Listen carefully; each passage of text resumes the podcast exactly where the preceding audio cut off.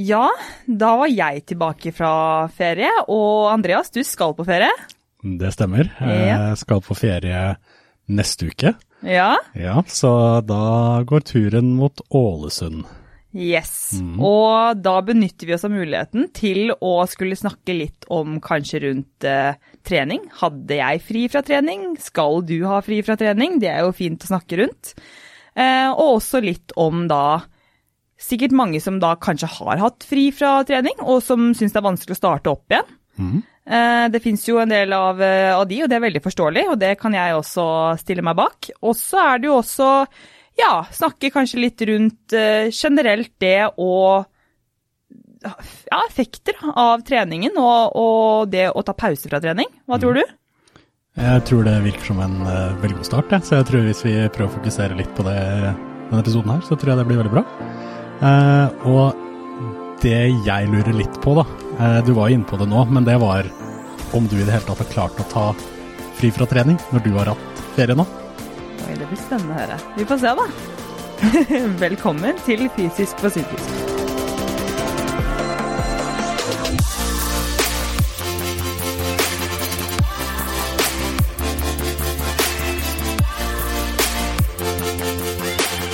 Jeg er så heldig å ha med meg tights.no på laget, som gir meg muligheten til å faktisk kunne lage denne podkasten, og det er jeg så utrolig glad for.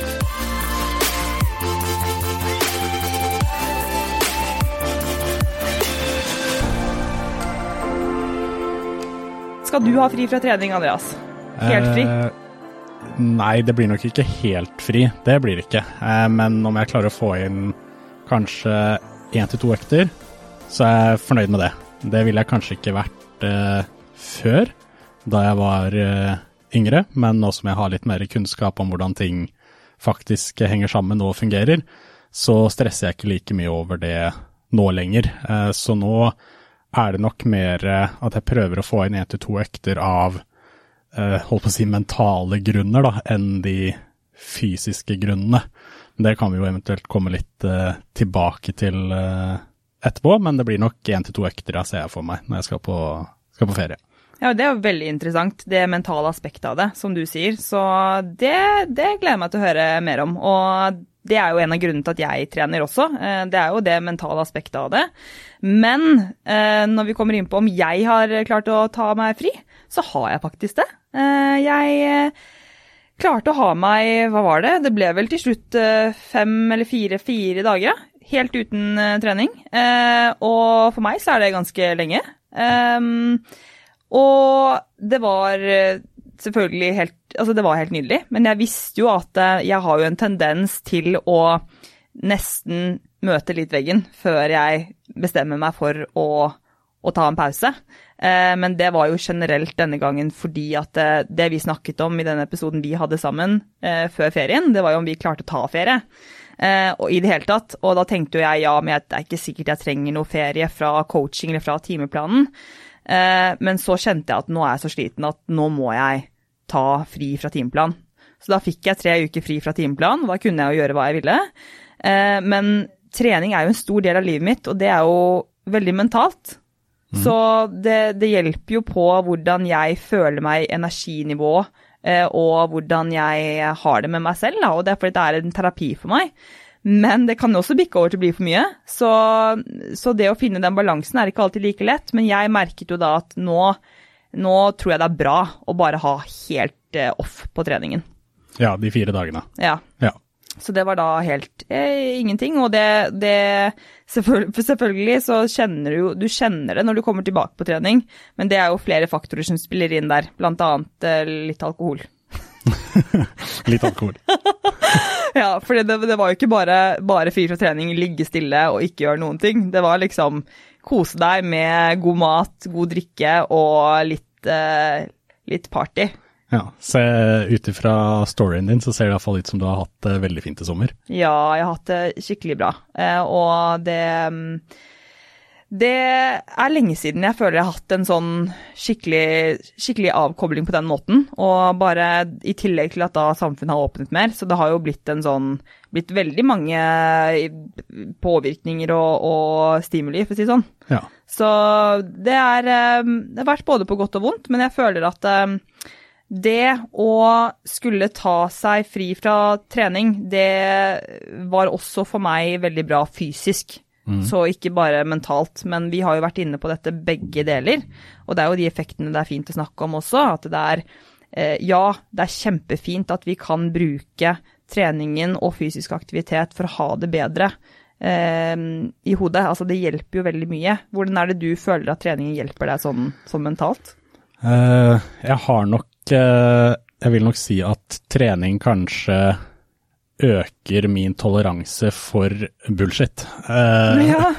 og det er jo, eller ting som kan være irritasjonsmomenter. Eh, hvis jeg ikke får eh, trent, så kan det fort bli til at man, eller jeg iallfall opplever det, at man lunta den blir en god del kortere. Så det fyller på en måte opp, eh, hva skal man si, den bufferen man har da, for eh, andre irritasjonsmomenter. Eh, det er kanskje det jeg merker det mest på. Mm. Um, I tillegg til at uh, det er ekstremt viktig for meg å trene fordi jeg merker at det er enklere å uh, øke produktivitet på jobb også. For jobb er en del jeg, det er så, noe i livet mitt jeg elsker. Og da ønsker jeg å legge til rette for at jeg kan gjøre det jeg elsker på best mulig måte. Ja. Uh, så det er jo det som er det viktigste for meg rent sånn mentalt, da.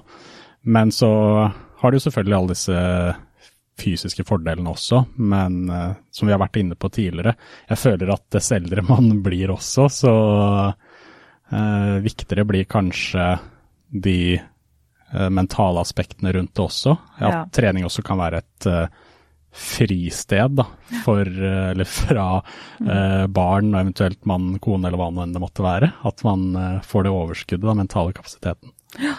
Ja, jeg har jo selv også uh, mange kunder, og det tenker jeg vi kan prate om, det vet jeg du også har. At du har en del kunder hvor det, hvor det er snakk om den hvor, hvorfor, uh, hvorfor, vi trener, og å være redd for å misse trening er én ting, men også det om hvordan vi er redde for å, uh, å, ikke få til å trene. Rett og slett fordi det er så viktig, da. Det mentale aspektet og det å få den avkoblingen fra alt uh, av kaos som mm. veldig mange har i livene sine, med familie og hund og som du sier, jobb. Altså, det er så mange uh, aspekter og så mange ting som, som trigger oss i løpet av hverdagen. Uh, men når du skal være borte, hvor lenge skal du være borte da? Så hvis du sier at du skal ha ca. to økter i mm. løpet av hvor mange dager? Syv. Syv dager. Ja, men da er det to økter da versus vanligvis syv til 14. Ja, nettopp. Så det er en stor reduksjon i antall økter allikevel. Ja. Um, så ja, det er to økter, tror jeg, på syv dager. Ja, ja, så det er viktig å snakke litt i dimensjoner der, tror jeg, eh, ja. og, og, påpeke det. Fordi at eh, vi har jo lyst til å snakke litt om det, og, og det med eh, med påkjenningen som treningen er på kroppen, og at vi, vi, trenger jo å ha pause fra det. Altså vi trenger restitusjon, men det er jo også eh, både positive og negative effekter ved å da har lengre pauser fra trening. Det er det. Ja. Og her igjen, så hvis vi først fokuserer på, la oss si det fysiske, da, hva, hvordan det å ha fri fra trening påvirker det fysiske, eh, så er det litt viktig at man skiller mellom f.eks. hvilken effekt det vil ha på muskelmassen vår, eller styrken, eller eh, tekniske aspekter, da. Eh, og hvis vi ser på muskelmassen vår, så eh, kan man fint ta fri en til to uker uten at det nødvendigvis har noe negativ betydning. Så man trenger ikke å være så redd for at muskelmassen eh, reduseres noe særlig fra én til to uker. Det går helt fint. Ja.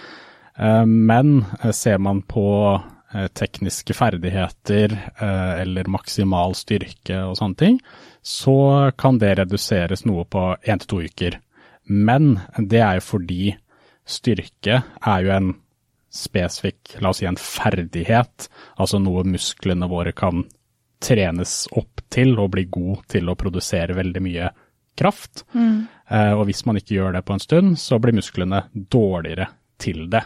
Ja. Men siden muskelmassen vår fortsatt er tilnærmet lik, så er jo fortsatt potensialet der.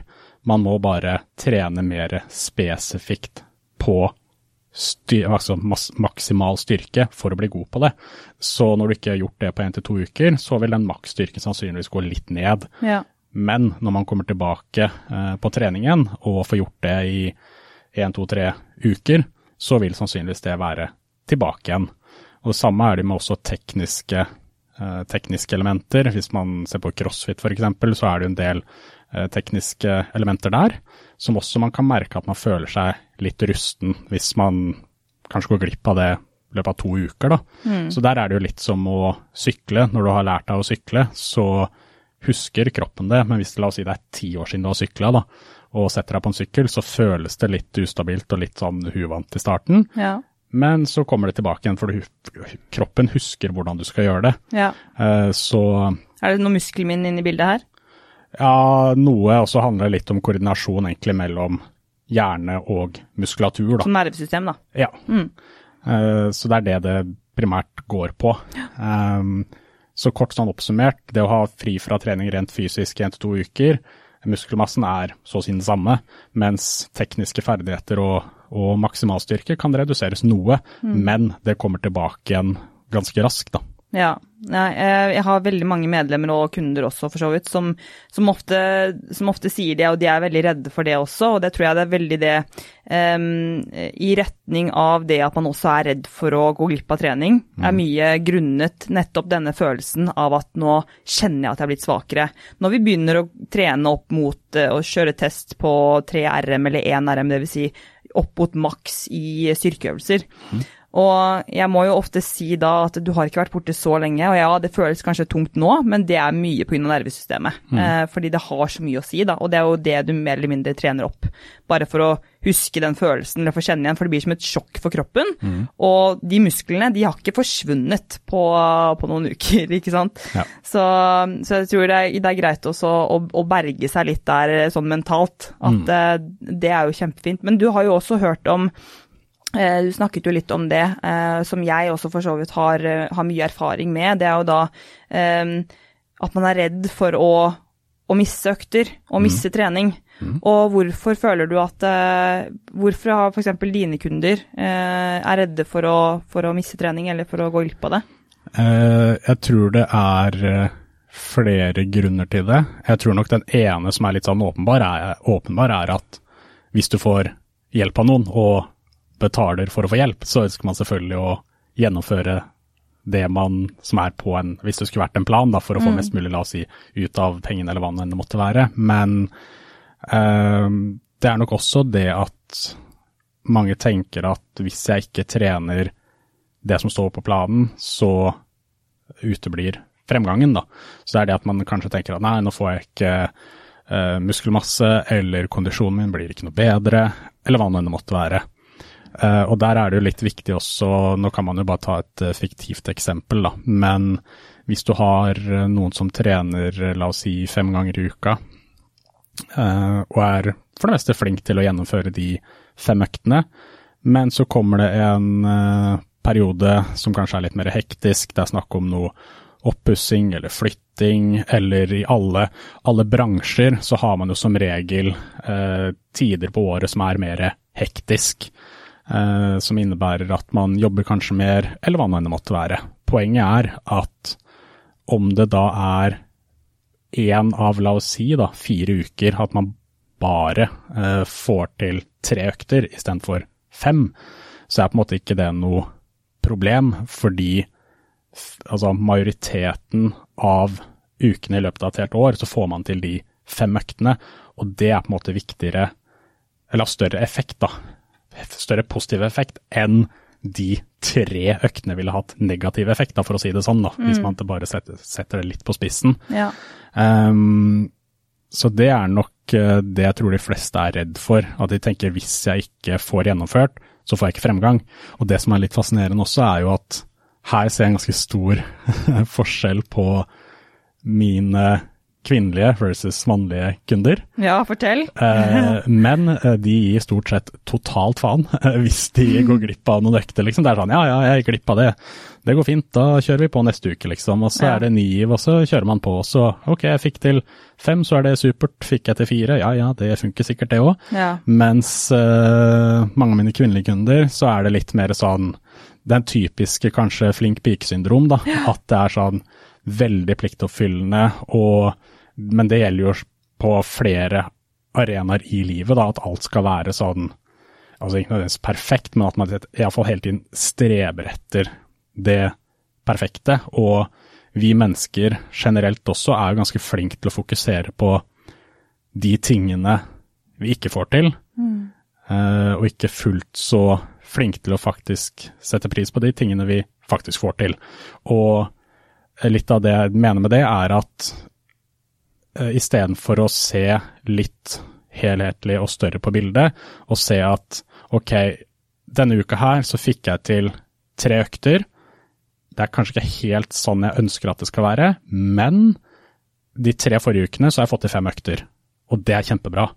Og prøve heller å fokusere på å se på hel, det helhetlige bildet. Der tror jeg ganske, eller mange har mye å hente, Ja. um, istedenfor å bare holdt på å si, snakke seg selv ned, da. Ja. Og heller prøve med litt, eh, la oss si, positiv forsterkning, for det gir også motivasjon til å fortsette. Mm. Istedenfor at hvis man har altfor mye fokus på de tingene man ikke får til, så blir det ganske mye negativitet rundt det, og det er mye lettere at man eh, mister, eh, la oss si, driven eller motivasjonen, da. Altså, nå er jeg ikke noe fan av ordet motivasjon i seg selv, men eh, det får så være. Ja. Nei.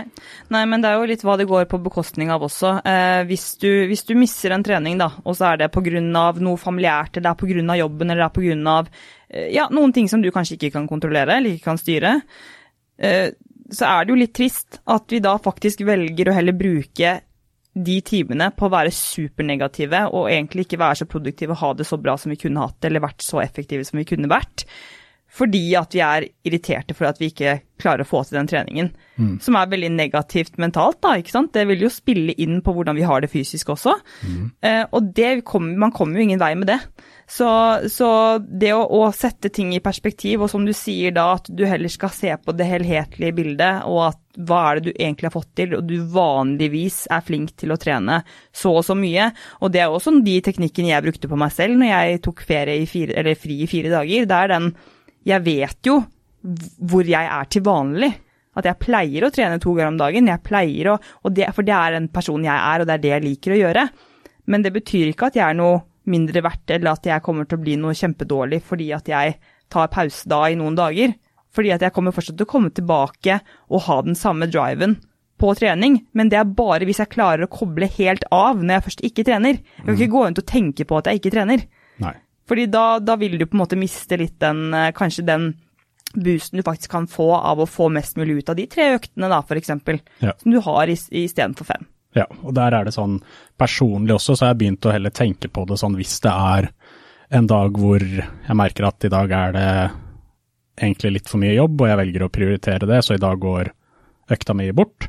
Så prøver jeg egentlig bare å snu det til at ja, ja, da får jeg en dag ekstra med restitusjon, da. Ja. Det er sånn, ikke for restitusjon er jo, som du, som du har vært inne på også, det er jo en viktig del av det helhetlige bildet når det kommer til trening. Ja. Um, så jeg prøver bare å ha snudd litt på, på tankemønsteret, da, og hvordan jeg ser på det å ha fri fra trening. Ja, for når vi ser på det, så har vi jo eh, Hva vil du si, for det er jo en eh, negativ effekt av det å ikke ta seg pause fra trening, f.eks. Det er at vi ikke får restituert nok. Og der tror jeg, der jobber jeg veldig mye, eh, og når vi, med kundene mine. Eh, og det snakket jo også når du snakket eh, akkurat om dette med, eh, med at vi Du har ikke lyst til å skuffe, nesten, nærmest, coachen din. Det er jo det jeg føler. At det er sånn Beklager, jeg fikk ikke gjort den økten. Og for meg så blir det Vet du hva, du skal ikke, du skal ikke være redd for meg. Jeg ønsker bare å stille opp her for deg, men jeg tror den mentale aspektet av det å ha en coach er så mye viktigere. Så hvis jeg kan være en person som forteller deg at vet du hva, ro ned, det går helt fint, vi kan styre, vi kan legge inn hvis du syns den økten her var kul, vi kan legge inn den økten en annen dag.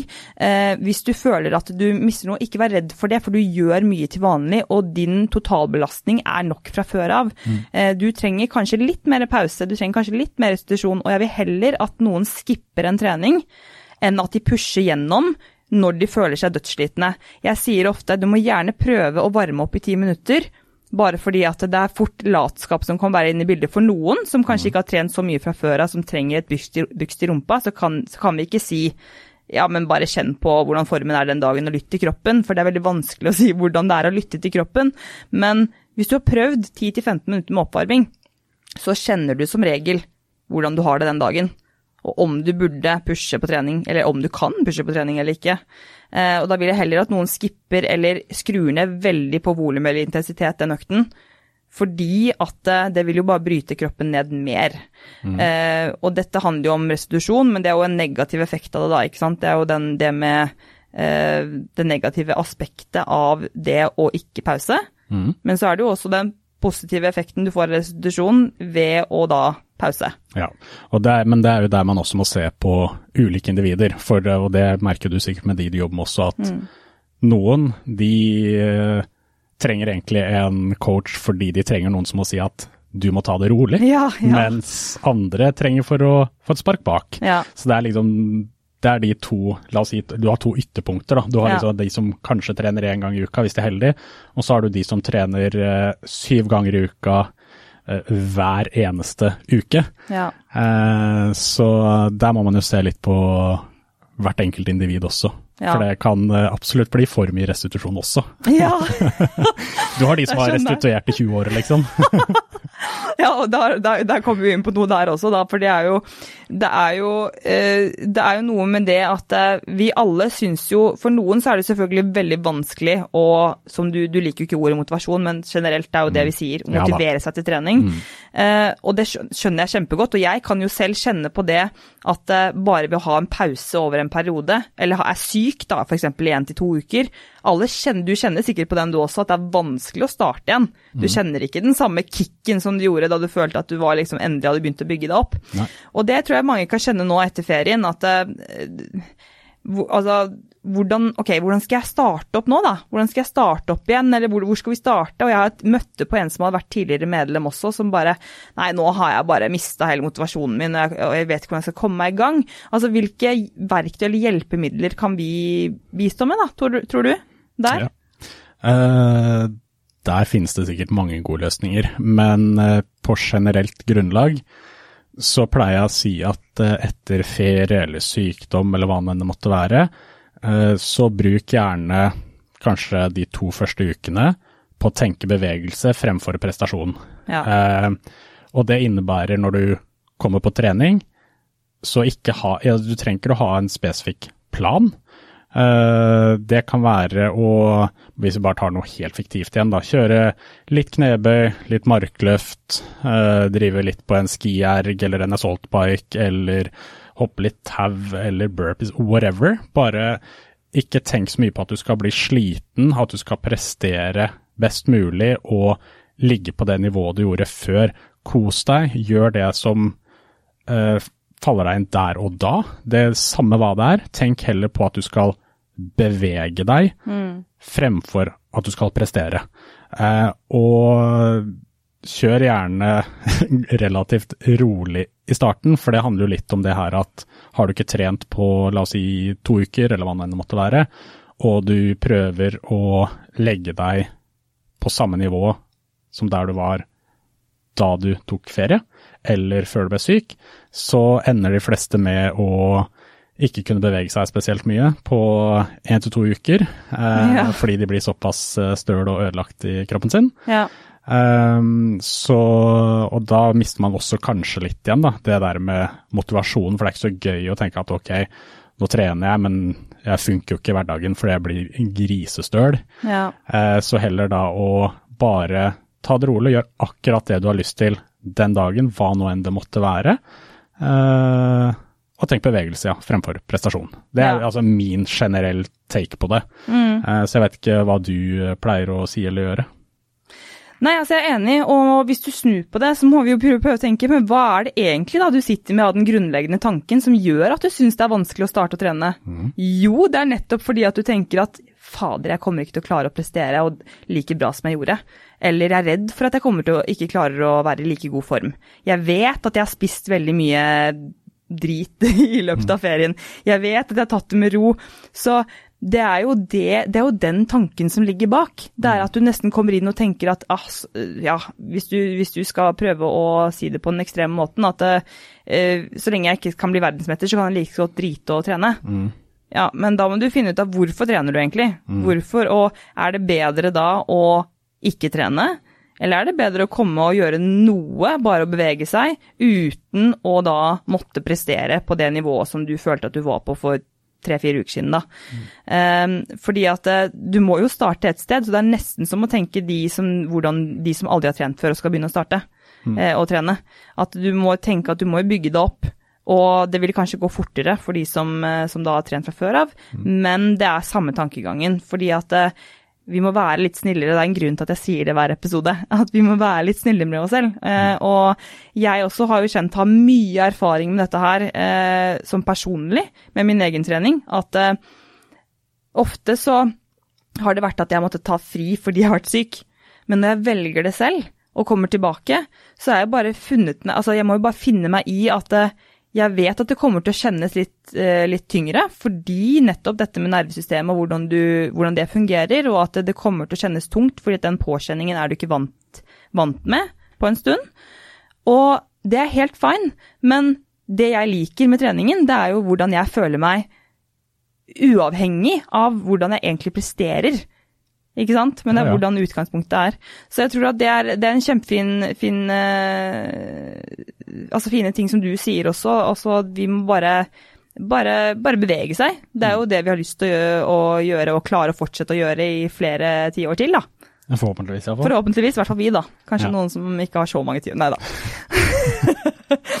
men, eh, men eh, det er jo i hvert fall Jeg vil si at det er veldig mange positive effekter hvis du er en person som trener veldig mye, ved å ha litt treningsfri. Men så finner du det aspektet også ved at det er fint at det, hvis du skal på ferie med unger og barn, og, eller barn og, og mann og kanskje besteforeldre til og med, i to-tre uker, så er det kanskje fi, en fin måte å faktisk få terapi og avkobling på ved å få inn noe økter, i hvert fall. Noe trening. Ja.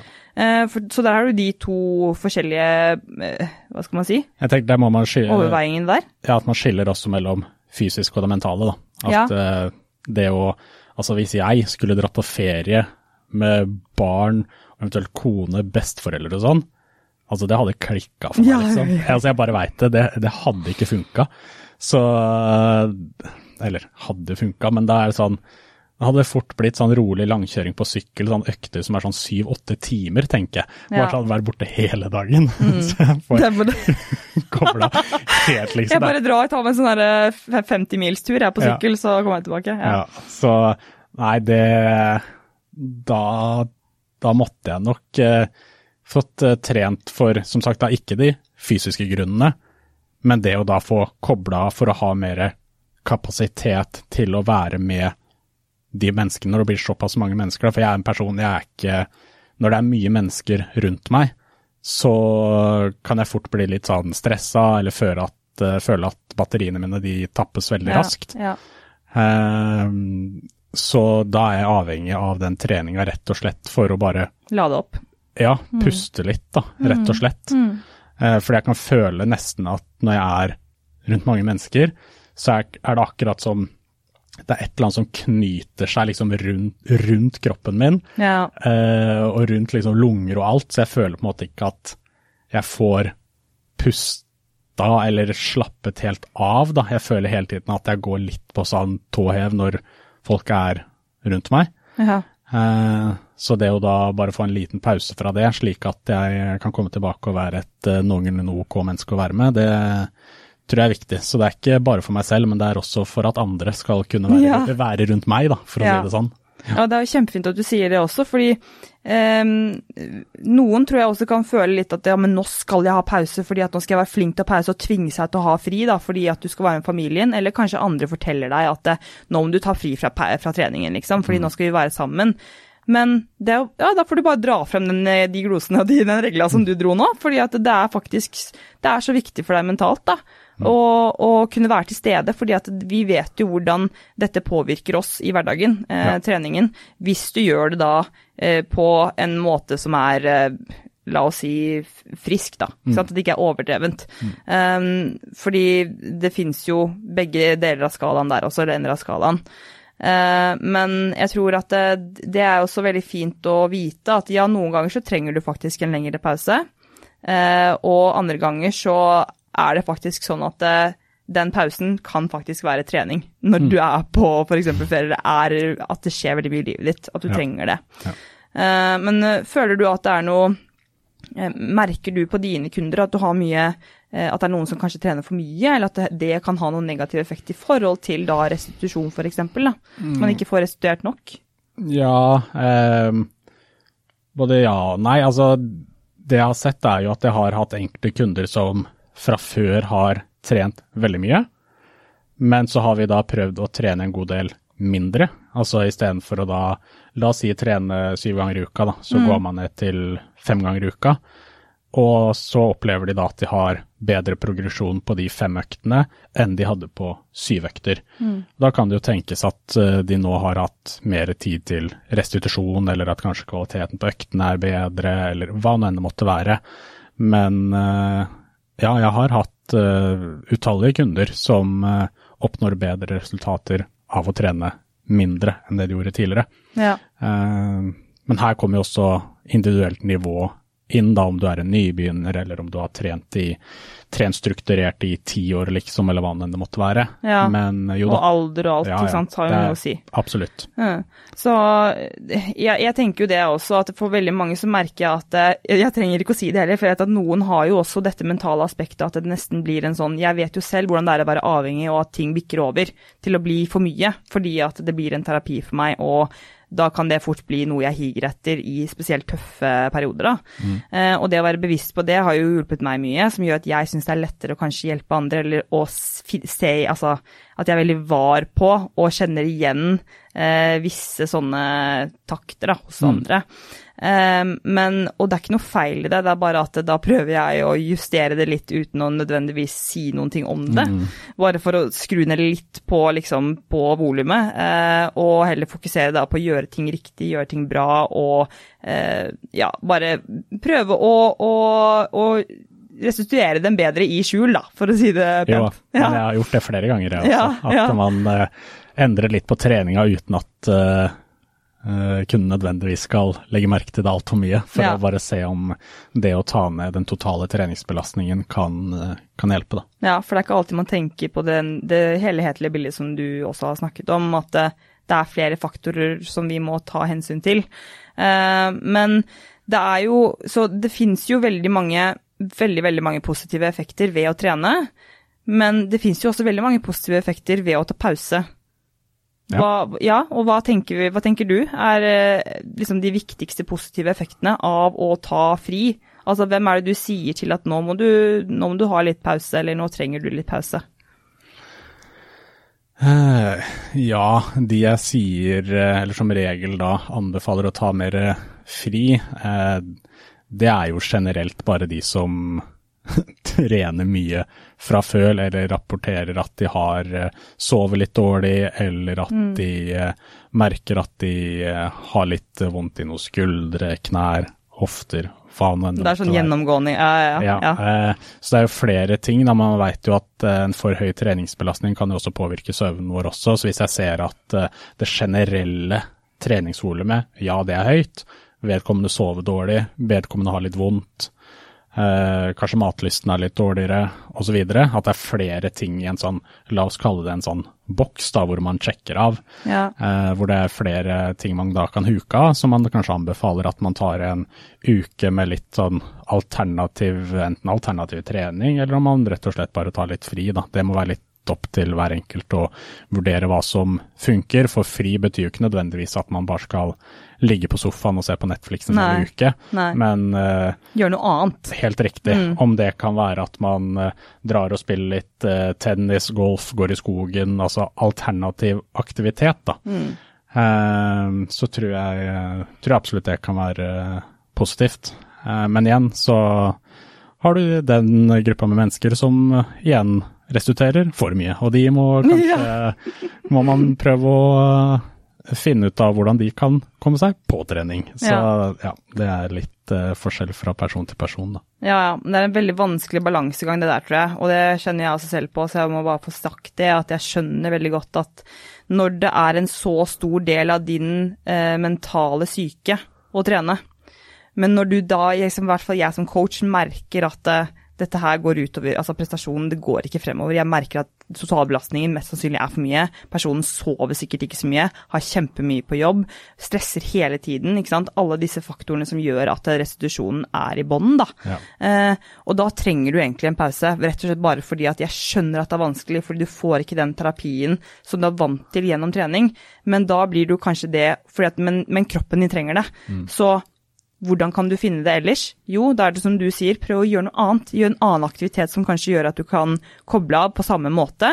Så kanskje man finner noen nye, nye ting som nye hobbyer som kan være bra, ikke sant? Sånn positivt. Absolutt, og det, det nevnte jo for så vidt ikke jeg, men du tok det opp nå, det er veldig fint. Det er at uh, um, treningsbelastningen bør, bør jo også tilpasses ut ifra det andre som skjer i livet. Og som du sa nå, er jo at plutselig så noen har eksamensperioder, eller så er det eh, Du har et yrke som plutselig en, har noen hektiske måneder nå, for det er normalt i det yrket du har. Uh, og da bør man kanskje istedenfor at man normalt sett trener fem økter i uka, så kanskje trapper man ned til uh, to-tre i den mest hektiske perioden. for det har litt med det der mentale aspektet rundt hvis du eh, har en eksamensperiode, du forsøker å opprettholde de fem øktene i uka, men så klarer du ikke helt det, så får du et negativt tankemønster rundt nei, jeg får ikke til treninga mi, så er det mye mer altså, det er mye mer positivt for deg å da trappe ned til to-tre, og faktisk mestre de øktene og føle at hm, kult, det har jeg fått til nå, jeg har fått til den treninga jeg faktisk har satt opp, og jeg har mer overskudd til eksamen, osv., osv. Mm. uh, så det er for så vidt et veldig godt poeng, som du også, som du også nevnte, da. Ja, ja. Så jeg tror, eh, jeg tror at det, det å finne den uh, den måten du kan restituere best mulig på, det blir jo rett og slett når du faktisk kobler av. Mm. Eh, og vi har jo veldig mange forskjellige Men de viktigste tingene for, for oss, det er jo bl.a. da søvn, som du har vært inne på. Mm. Og hvorfor er det så viktig? Nei, søvn er jo eh, viktig fordi det Holdt på å si Altså, det er jo den altså restitusjonsverktøy nummer én. Eh, og det har litt med det hormonelle å gjøre, men man ser jo også at eh, det er gjort en god del studier på eh, det tror jeg er bl.a. fotballspillere og andre idretter, hvor man ser effekten av f.eks. om det var fem til seks timer søvn versus syv til åtte, og skadeforekomst og sånne ting, og at man ser at skaderisiko øker med mindre søvn. Mm. Um, så Men håper å si alle disse uh, la oss kalle det kjemiske prosessene i både hjerne og alt mulig, det har ikke jeg uh, snøring på. Jeg Nei. kan bare det overordna hvorfor det på en måte er hvorfor det er viktig. Ja. Um, og vi har jo erfart det selv også. Ja, ja. Du har jo mest sannsynlig det du òg, når du ja. sover dårlig. At du merker jo at det, det, funker ganske dårlig på trening hvis du prøver å pushe det på samme måte. Det gjør det absolutt, mm. eh, og det har jeg jo Og så kan det jo være selvfølgelig andre medvirkende årsaker også, men jeg også har sett en ganske, iallfall en klar sammenheng mellom perioder hvor jeg sover dårlig, spesielt om sommeren når det er kanskje ekstra varmt og sånne ting, så har jeg en tendens til å sove litt, uh, sove dårlig. litt dårligere. Mm. Og da merker jeg fort at uh, ryggen kan bli litt uh, kranglete, kanskje litt i skuldre osv. Men om vinteren hvor det er iskaldt på rommet og stupmørkt, så sover jeg kjempegodt mm. og føler at det er mindre sånne småplager da, ja. når det kommer til uh, treningen. Men som sagt, det kan jo være flere faktorer som spiller inn, men at uh, søvn absolutt har en innvirkning der, det tror jeg er ganske udiskutabelt. Det er det. Og det er jo, jeg vil jo, an, altså jeg vil jo si, og det snakker veldig mye rundt om, spesielt i crossfit-miljøet i det siste, om dette med hvor mye de sover, og, og hvor viktig søvnen spiller inn. Og det er det eneste referansepunktet jeg har nå, for det er det jeg har fulgt med på i det siste. Det er games, så det er derfor jeg tar det opp. Ja. Eh, men, eh, men, hvor viktig det er, og de sover jo alt opp mot tolv timer, fra ti til tolv timer, veldig Ja. mange av de. Eh, og det er jo kanskje litt over, men de trener jo et ekstremt høyt volum, ikke sant. Så det blir jo det at de trenger å studere mer, ok, da trenger de mer søvn. Så det, det i seg selv sier jo om hvor mye søvn faktisk påvirker treningen. Men hva er liksom det generelle, for jeg vet det har vært så mye forskjellig, men hva er liksom det generelle eh, retningslinjene nå for hvor mye du burde sove for å ha en god helse? Vet du det? Nei, 17 18 timer. Nei, Helst hele døgnet, så mye som mulig. så får jeg sove hele. Nei, eh, det er rundt eh, 7 til 8 som fortsatt er den generelle Ja. eh, anbefalingen sånn helsemessig. Men så ser man at de som gjerne er profesjonelle atleter og sånne ting, kan ha, en, eh, kan ha fordel av å sove mer, gjerne da 9-10 timer. Um, så ja, det er 7 til 8, sånn fra et helsemessig perspektiv iallfall, som er ansett som det som er anbefalt. da. Så det må vi få prøve å få det til så bra som mulig. Og hvis ikke det går opp, så er det liksom i hvert fall greit å vite at det, det er veldig viktig å få nok søvn for at du skal klare å opprettholde treningen og få fremgang. Eh, I hvert fall over lengre tid. Og at eh, det er utrolig viktig med eh, bl.a. da næring, selvfølgelig. Altså, det handler jo da om hva vi putter i, i munnen. Og det er litt sånn Det er så mye forskjellig som vi Ja, jeg, jeg ser at du ler nå, det var ikke meningen å si det på den måten. Fader, altså. Åh, dette her må vi klippe. Nei. Ok, greit, greit. Uh, hvorfor, jeg skjønner ikke hvorfor jeg måtte si det på den måten, men vi, det går fint. Det er, uh, det er hva du putter i, i, i munnen.